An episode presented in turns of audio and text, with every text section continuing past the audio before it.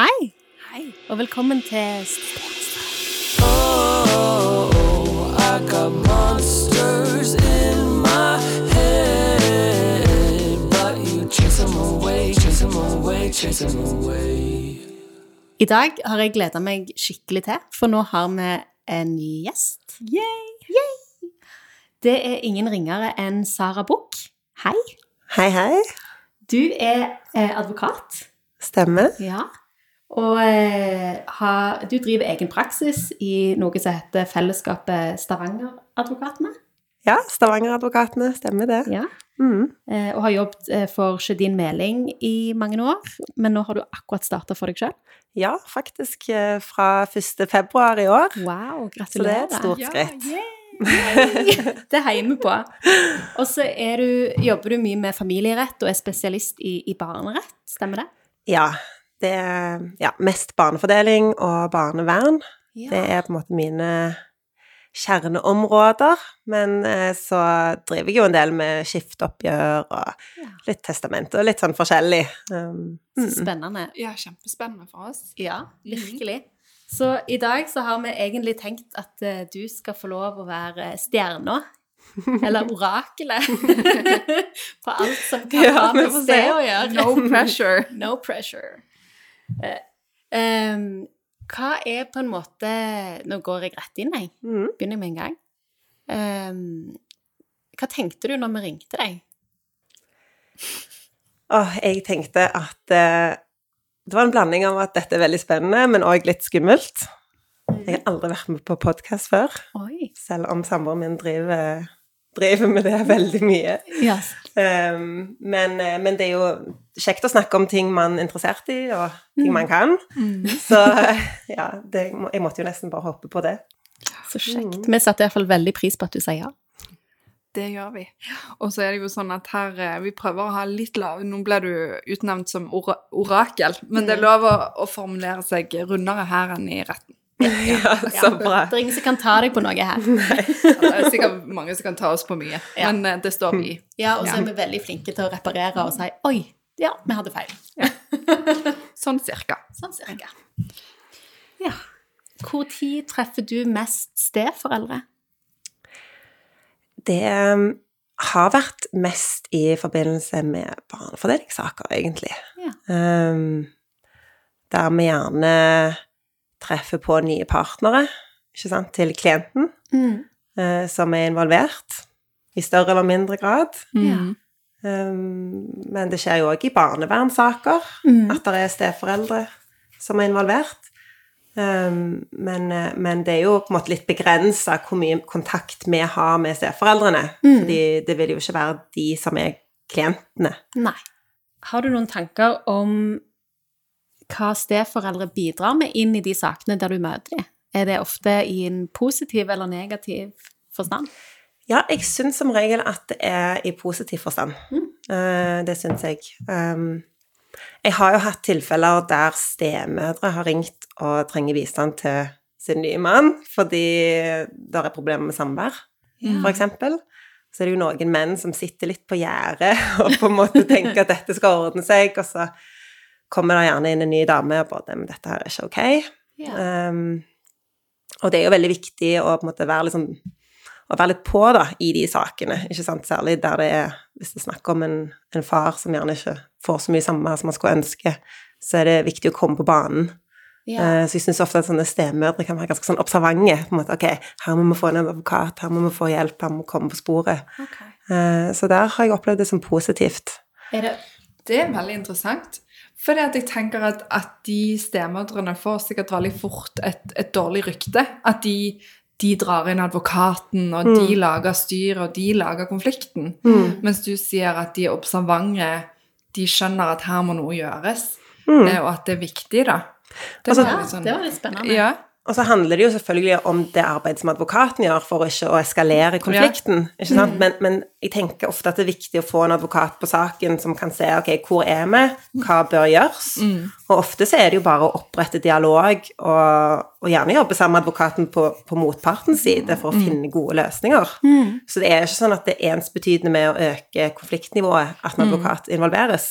Nei. Av og til så skal faktisk så så, må på en måte det til for at man kan finne gode løsninger, da. Mm. Eh, ellers så vil jo gjerne konflikten bare løpe og gå i ja, lange, lange tider uten at man egentlig blir enig om noe. Men det, det kommer jo litt an på Selvfølgelig, det er jo fra advokat til advokat, og på en måte hvor veiledbar klienten er. Ja. Det er mange faktorer, men, eh, men vi søker jo alltid å dempe konfliktnivået Ja. og finne løsninger der vi kan. For det er jo barnet som lider hvis vi, hvis vi ikke gjør det. Helt sant. Absolutt. Det har vi snakket mye om. Det der med, med å dempe konflikter, og, og at den som taper aller mest, er jo faktisk ungene. Det er akkurat det. Og noen av disse, disse konfliktene pågår jo i årevis. De har rettsrunde på rettsrunde på rettsrunde, og det er, det er så Jeg ble litt nysgjerrig når du, når du snakket nå, fordi for vi, vi prøver jo å være en, en podkast for steforeldre, og så ser jeg jo litt på lyttertallene at av og til så er vi litt en podkast for stemødre. Eh, men du, du, når du snakket nå, så, så ble jeg litt opptatt, for du sa at det var mye ste, at det var mød, altså stemødrene som ringte inn i forhold til fedre, som gjerne satt litt lenge på gjerdet. Jeg skal ikke, jeg skal ikke se, sitte og lyve og si at det er det jeg opplever hver dag. Nei, nei. Men det, er, det, har, det har skjedd, da, og det er Jeg har aldri opplevd eh, en stefar ta kontakt. Nei, for det var det, jeg var litt nysgjerrig på. Eh, og så lurte jeg på, handler det om at stefedrene sitter på gjerdet, eller er det, er det en forskjell på kjønn i forhold til disse fordelingssakene, om hvordan de utarter seg? Altså, er det flere foreldre som, som blir på en måte distansert enn en, en, Nei, flere fedre, mener jeg, enn enn mødre? Ja, det er nok det. Det er i hvert fall min erfaring at, eh, at det er jo ofte at det er en far som blir satt på sidelinjen, enn en mor. Okay. Um, og, så, og så kan det jo være forskjellige grunner til det. Det er jo ikke alltid det at mor gjør noe galt. Av og til så er det jo òg forhold hos far som, som begrunner at det er mindre samvær, eller at far har trukket seg litt ut sjøl. Altså, det kan være mange ting. Um, men um, men det er vel kanskje Altså, fedre har vel kanskje mer en tendens til å lene seg tilbake, eller altså Jeg tror kanskje mødre er på en måte mer på ofte i de sakene. Dette nå havner vi rett inn i det igjen, vet du, med dette kjønnsgreiene. Ja. Men det er nok det er, For dette har jeg liksom tenkt på dette med barnets beste, sant, og hvem som definerer det. Og så tenker jeg at det, det oppleves igjen nå, da, som at kvinner har en veldig sånn eh, tydelig stemme og er ganske sånn på i forhold til å ta ansvar for å mene at de har eh, jeg håper å si mest rett på Eller mandat i Ja. noe, sant? Ja. Og, og eh, at eh, når da fedrene, hvis fedrene blir eh, litt eh, passive, eller litt forsiktige, eller litt sånn, at det gjerne da er en ny partner som kan være med og ta ansvar for at det skal bli likt, da, på en måte, eller at man skal sikre at fars stemme òg blir Ja, ivaretatt. jeg, jeg har i hvert fall opplevd en del ganger at, at fedre hvert fall i den type sak, da, der faren opplever at han blir skjøvet ut, Mm. så er det noen som nesten er sånn Nå, nå vet jeg ikke om jeg orker mer. Mm. Altså, det er noen som, som opplever det som skikkelig, skikkelig vanskelig. Mm. Um, og jeg har aldri opplevd en mor si det. Mm. Men uh, der igjen så er det jo ganske sjelden at det er en mor som blir på en måte skjøvet ut. Mm. Ja, jeg, jeg, har, jeg har opplevd det, Ja. men det er ganske sjelden. ja. Um, Hva handler det om, tror du? den saken som jeg tenker på, det er en sak jeg hadde for en del år siden. altså da I den saken så var det nok eh, fiendtliggjøring. altså Der hadde faren snakket Hadde hatt eh, fast bosted for disse barna over lang tid, og hadde påvirka barnet veldig negativt i forhold til mor, så til slutt så ville de ikke treffe mor lenger. Ja, sånn som foreldrefremmedgjøring, på en måte. Og det er en av de få gangene jeg har sett at det er faren da, som har fiendtliggjort mot mor. Okay. Uh, ja. Men er det en greie, det med fiendtliggjøring? For det, jeg tenkte på det i dag. For det, at akkurat det med Det du beskriver da med at eh, jeg, jeg hører ofte om eh, at foreldre har gått fra hverandre. Eh, mor er den som tar med seg barna eller hiver utfor. Altså det i disse konfliktsakene som beskrives, det. Eh, og at i den perioden så mister gjerne far tilgang Mm. på barn. Eh, og jo lengre tid det tar da eh, Status quo heter det. Ja, Det fryktede status quo. ja. Ja. Fordi at, at eh, når det går lang tid, sant, så vil jo barna være så preget av mors narrativ, mors Mm. forklaringer, mors Mm. eh, opplevelse av hvordan ting har vært. Og så er det noe med ok, disse mennene da som som eh, vil, vil ha en relasjon De kan jo ha vært sinte. Sant? Mm. De kan ha, det kan jo ha vært ting som ikke har vært greit. Mm. Men, men likevel så skal det jo en del til for at barn ikke skal ha godt av å ha en relasjon og et forhold og samvær. Mm. Det er veldig sant. Hvis du tenker på barnevernet og når de fratar foreldre Ja. samvær. og, og samværsretten, den, den står veldig, veldig sterkt. Så det skal veldig mye til før man ikke får samvær, eller får på en måte et veldig begrensa samvær, f.eks. med tilsyn. Mm. At man får det i retten. Um, men det man må skille litt på, er om den forelderen, da, som blir på en måte anklagt ikke sant? Du sier ok, det kan ha vært ting i, i forholdet, ikke sant? Det er det å skille mellom hvem er man som partner, og hvem er man som forelder. Fordi at det ofte så, så blir på en måte partene sine konflikter under samlivet så fremtredende i barnefordelingssaken. Ikke sant? At ja, men du var jo sånn og sånn, du var så sint, du var voldelig, ikke sant? Eller du var eh, Ja, det kan være mange, mange ting man anklages for, ikke sant? Eh, men det kan jo være prega. Altså det kan jo være i den situasjonen, da, ikke sant? Ja. der man står gjerne i et samliv som er veldig turbulent, og det betyr ikke at at man ikke kan være en mor eller far da, for barnet sitt. Ja. Det er jo en konkret vurdering om det er en risiko for barnet da, for sånn type atferd. Ja. Men, men veldig ofte så ser jeg at partene bringer det inn i saken, at motparten var sånn og sånn under samlivet, men så er ikke egentlig retten så interessert i det.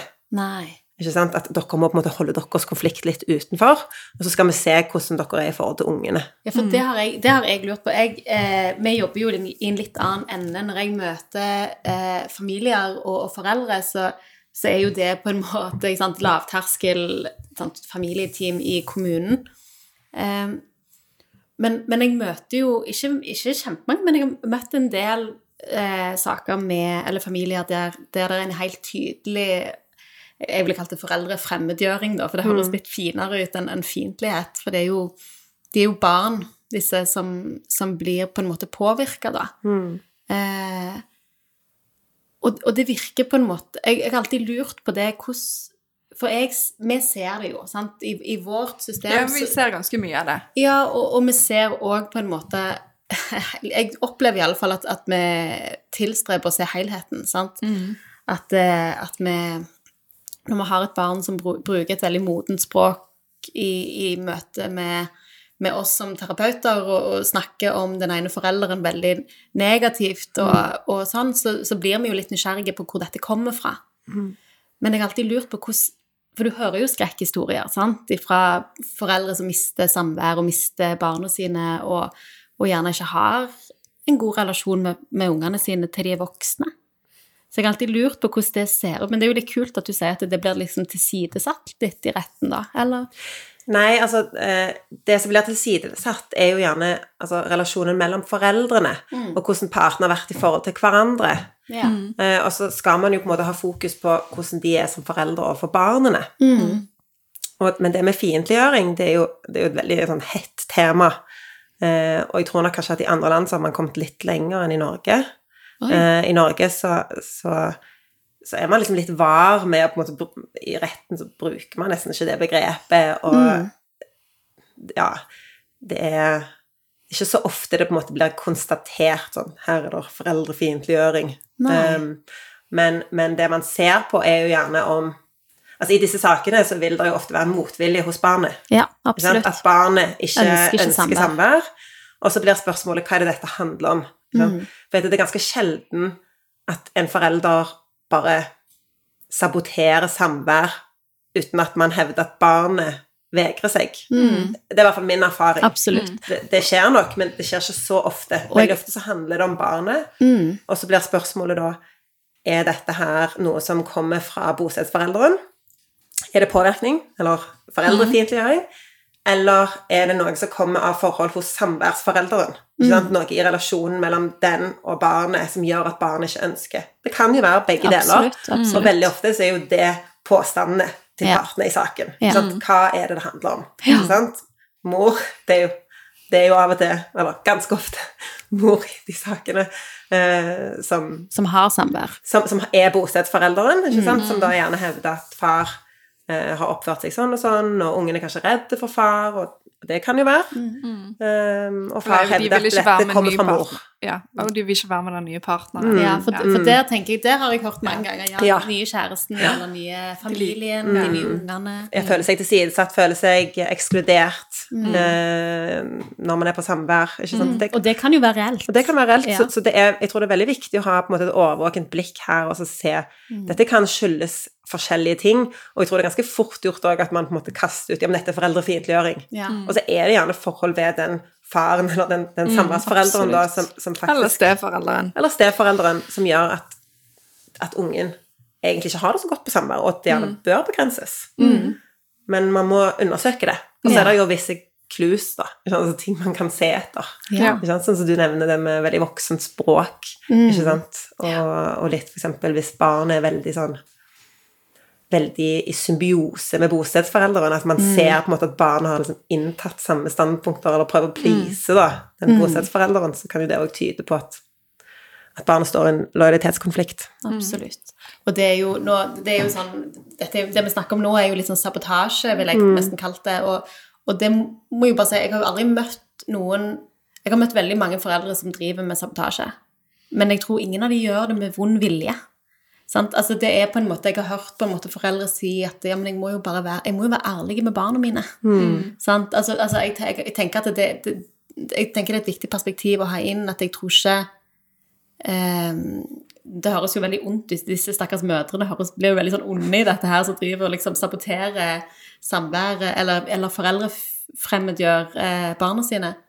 Men, men de er jo Ofte så gjør de det jo med 100% gode intensjoner i, sin, i sitt narrativ. Det er jo veldig vanskelig det med å i en situasjon der barnet ditt er fortvila, Ja, sant, eh, og vise motstand.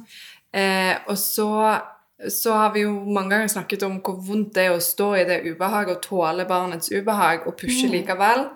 Eh, samtidig som eh, Altså det å reflektere litt over hva som er målet her. For, for eh, et, et barn har jo som regel behov for å ha foreldrene begge, en god relasjon til begge.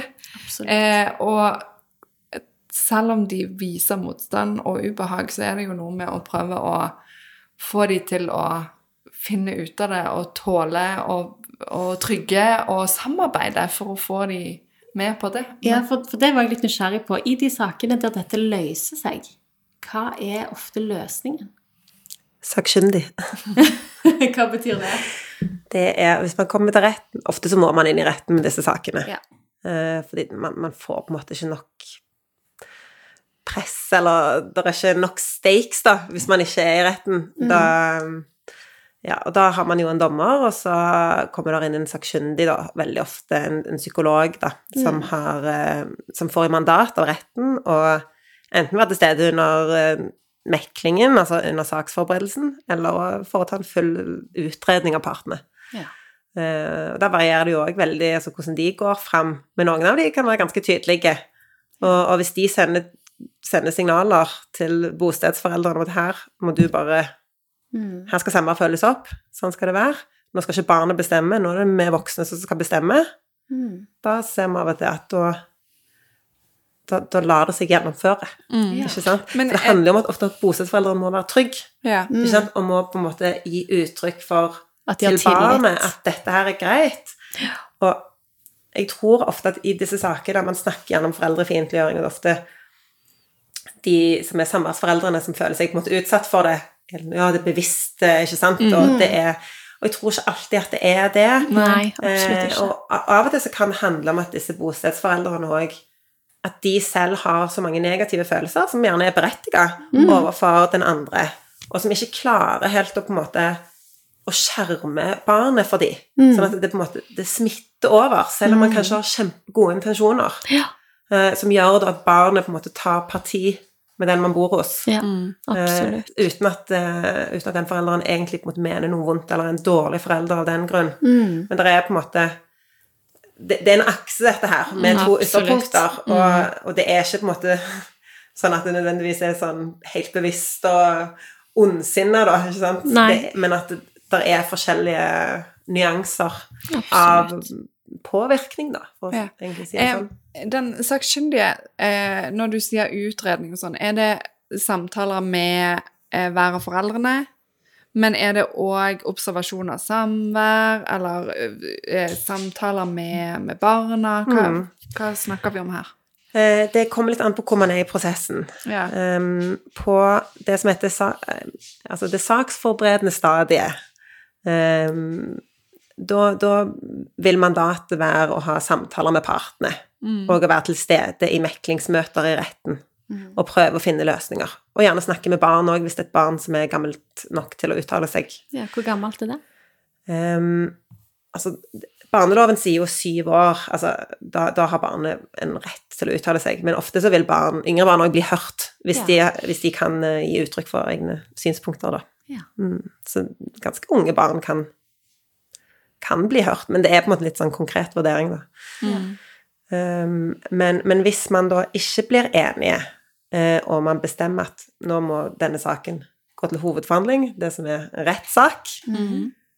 da kan man gjerne utvide det mandatet, sånn at den sakkyndige da henter inn opplysninger, kanskje for barnevern og lege og eh, Oss. barnehage og skole, altså, Ja. ja, sant, mange forskjellige, og ja, har mange samtaler, Mm. og på en måte gjør en sånn grundig analyse, da, Mm. Ja. Mm. Spennende. og observere samspill. Ja. Ja. Du sa noe om at Norge lå litt bak, eh, på en måte, i disse sakene. Mm. Nå havner vi jo rett inn i dette med foreldrefremmedgjøring, men vi skal innom andre temaer òg. Men, men kan du si litt mer om det? Hva, hva mente du med det? Nei, jeg har inntrykk av at i eksempel i USA og Canada, eksempel Det er litt tilfeldig, men jeg satt og så på um, Leste litt om, om hvordan dette her fungerer i Canada. Ja. Uh, og der er det sånn at hvis retten konstaterer eh, foreldrefiendtliggjøring, så er det, så vidt jeg forstår, ganske normalt, og på en måte, da flytter man barnet til, den andre forelderen. Mm, ja, Gjerne det, midlertidig. det leste jeg faktisk om, Mm. for jeg òg eh, har, har lest meg opp litt på dette her i og med at jeg har hatt en del eh, Mm. familier som har opplevd det.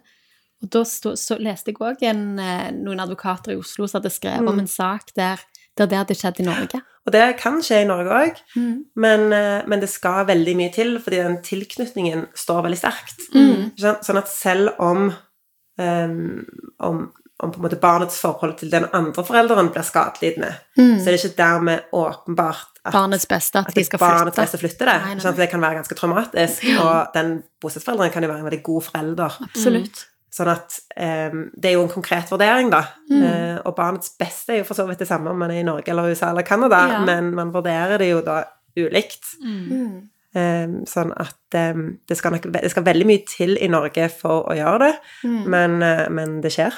Ja. Det, det gjør det. Jeg tenkte vi skulle hoppe over på noe litt uh, Kanskje litt mindre betent, eh, men fortsatt litt i samme gate, da. For du har snakket litt, vi har jo snakket litt om dette med samvær og sånn. Jeg, eh, nå er vi jo ikke helt i stedlandskapet, men, men har du noen eksempler på barns eh, innflytelse på samvær? Ja, altså barn har jo større og større med eller selvbestemmelsesrett eh, jo eldre de blir. Mm. Eh, fra de syv år gamle så skal de bli hørt. Fra de tolv så skal meningen vektlegges betydelig. Mm. Og, og jo eldre og eldre de blir, jo, måte, jo mer naturlig er det at man følger deres mening. Mm. Um, sånn at uh, Om jeg har noen konkrete eksempler det, vet, Hva tenker du på? Nei, det var Men Jeg nå tenkte jeg på, Når bestemmer altså Er det en sånn alder der de egentlig Nå bestemmer de sjøl, liksom? Altså sånn 16-17 år, Ja. når de nærmer seg myndige, Mm. Da bestemmer de i praksis ganske mye sjøl, altså. Ja. De gjør det. Men, men 15-åringer Det, jo, det kommer jo litt an på, tenker jeg. Jeg tenker eh, av og til så Jeg har snakket med, med foreldre som har barn som flytter hus alt etter hvem de har krangla med. Og det er klart, da tenker jeg det er jo ikke barnets beste å flytte i effekt. affekt. Nei. Sant? Eh, sånn at der, der er det jo litt skjønn. Mm. Eh, sant? Det kommer jo an på hva som er årsaken, men hvis et barn på 15 år ytre over lang tid at en ønsker endringer i samværet, så må jo det mm. lyttes til. Ja, ja, ja. Eh, Og man prøver jo alltid å jobbe med barnet, ikke Mm. sant, Eh, og ikke mot det. Men jeg ser at det er litt forskjell der, f.eks. I, i barnevern. Mm. Så hvis det f.eks. er snakk om omsorgsovertakelse, eller hvor barnet skal bo, så blir det kanskje vektlagt mindre fordi ehm, hvis foreldrene på en måte ikke er gode nok, så må det trumfe, Ja. ikke sant? Mens hvis det er snakk om samvær, altså hvor mye samvær skal det være, hvordan skal ordningen se ut, så er det ikke sånn at det ene nødvendigvis er på en måte skadelig for barnet, eller det andre er fantastisk. Altså, Nei. det er på en måte Ja, da er det ikke så farlig, da, å la på en måte barnet bestemme, på en måte. Ja. Men jeg var nettopp borti en sånn sak der det var ganske store ungdommer, eh, typ sånn om ikke 16 ennå, så nesten, som hadde i en sånn eh, konflikt da, flyttet ut eller eh, blitt værende, jeg husker ikke hvordan det var, med, med mor, og ikke hatt samvær på lang tid, eh, hvor far er ganske sånn desperat da, i forhold til å få lov å få tilgang på barna sine. Og vi har jo nylig òg snakket om liksom, ungdommer og deres egen evne til å vurdere egne behov. Sant? Ja. Men, men jeg tenker at det er jo ganske vanskelig i de sakene å bestemme at du skal La oss si du er en 16-åring, da. At du må treffe far, eller du skal Mm. treffe mor. Samtidig som Hvis man ser fram i tid og tenker hva, hva vil vi egentlig? Vi vil vel egentlig ha relasjoner og liksom ha en eller annen type kontakt. Mm. Men, men kan, kan man som mor eller far bestemme at man skal ha tilgang på en 16-åring? Man kan ikke bestemme en uke, liksom, av 50-50 eller sånn, men noe treffpunkt. Det kommer litt an på. Eh, Jeg vil si at hvis en 16-åring vegrer seg, så får du ikke det. Nei. 14-åring, da. Kanskje. eh, Da, altså, altså, du vil aldri ta barnet med tvang, Nei. Eh, men det, da vil man kanskje på en måte prøve enda mer å, å på en måte å være en voksen og bestemme, ikke sant? og ikke la det på en måte være så opp til den 14-åringen. Mm. Sånn er det. ikke sant? Og så hvis barnet likevel nekter, så så er det på en måte ikke så mye man kan gjøre. Nei. Um, men, um, men når det gjelder på en måte selve utformingen, hvis det ikke er snakk om nekt, eh, så, så tenker jeg at både en 14- og 16-åring vil ha ganske mye de skulle ha sagt. Men en 12-åring, da ja, men det, var- jeg, ja, men det, Går nedover ja, men jeg ser det litt sånn, for vi sier jo hele veien sant, at du kan en toåring kan du ta under armen og bære inn i barnehagen. Sant? Men i sko skolefraværssakene så kan du kan ikke ta en liksom 13-åring og bære inn på Nei, du kan- du eh, kan ikke, altså. sant? Du kan og du ikke kan jo ikke heller. Og så hva skaper det? Ja. Men samtidig så tenker jeg jo at med råd og veiledning, hvis vi skal si noe om vår egen rolle, så er vi jo ganske gode på å, å bygge broer og, og lytte og liksom trygge. Og da tenker jeg igjen at den, den forelderen som ikke har eh, Som ikke er i eksil, er jo en ganske viktig person i dette, denne, dette samarbeidet. Ja. Vi kan noe levende som for oss at eh, motivasjonen er opp og ned, men ja. Ja. Nå snakker vi på innpust og utpust, og vi må rett og slett dele denne episoden i to. Yes. Yes. Så da eh, følg med neste uke, så får du høre del to. Og da har vi Sara med oss videre. Heldig oss. Oh, I got monsters in my head, but you chase them away, chase them away, chase them away.